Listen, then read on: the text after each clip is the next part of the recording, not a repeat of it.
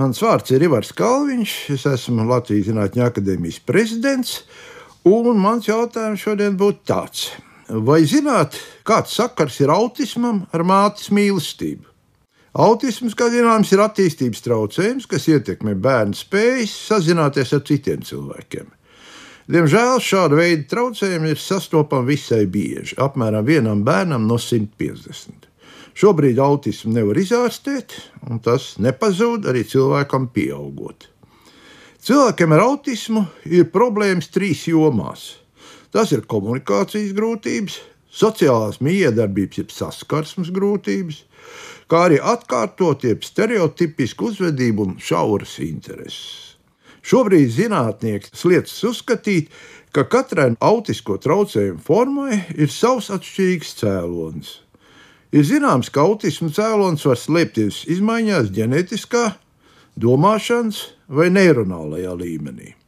Domājot par izmaiņām ģenētiskajā līmenī, tās nevienmēr ir izmaiņas tieši pašu gēnu uzbūvē, jeb to mutācijas. Autisma cēlonis bieži vien var slēpties tajā apstākļā, ka kaut kādu apstākļu dēļ netiek nolasīti atsevišķi cilvēka smadzeņu darbībai vitāli svarīgi gēni. Tādā gadījumā atsevišķi smadzeņu apgabali nespēja pilnvērtīgi sadarboties ar citām smadzeņu zonām. Lai cik dīvaini tas neizklausītos, pētījumi rāda, ka neiropsiholoģisks dabas autiskos traucējumus var izraisīt arī kuģa zarnu trakta iekaisumi kuras izsauc imunoloģijas rakstot traucējumi, zarnu nervu sistēmas bojājumi, kā arī novirzes zarnu mikrobu sastāvā un dažas ķīmiskas vielas. Tostarp tādas, kas ir mūsu pašu vielmaiņas produkti. Tika atklāts arī, ka daži cilvēku paša organisma ražot hormoni spēj ietekmēt cilvēku sociālo uzvedību un instinktus. Viens no šādiem hormoniem, ko sintēzē mūsu smadzenes, ir oksitocīns. Tā ir neliela grezena veida molekula, kur veido astoņu aminoskābju virteni. Par šo hormonu jau ilgāku laiku bija zināms, ka tas ietekmē sievietes reproduktīvās spējas, bērna dzimšanu un mātes izturēšanos pēcdzemdību periodā. Īpaši nozīme šim hormonam ir arī attiecībā uz mātes piena izdalīšanās daudzumu. Tāpēc to plaši lieto lopkopībā, izslaukuma kāpināšanai.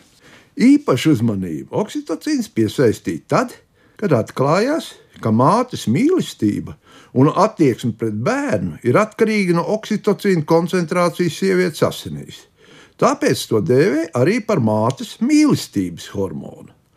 Paradoxāli, bet pavisam nesen zinātnieki atklāja, ka ģenētiski modificētajām pelītēm, kurām iztrūkst viens no gēniem, rodas autismam līdzīgi sociālās uzvedības traucējumi.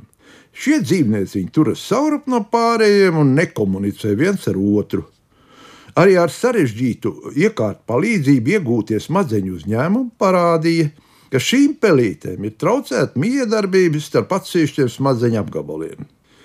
Jau agrāk tika noskaidrots, ka šo dzīvnieku asinīs ir arī mazāk oksitocīna nekā tas ir normāliem dzīvniekiem. Tagad tika atklāts, ka inicējot oksitocīnu, autisku raksturu traucējumi šīm pelītēm pazūd, kas liecina par to, ka mātes mīlestības hormonam varētu būt nozīmīga loma sociālās uzvedības traucējumu novēršanai cilvēkiem ar autismu.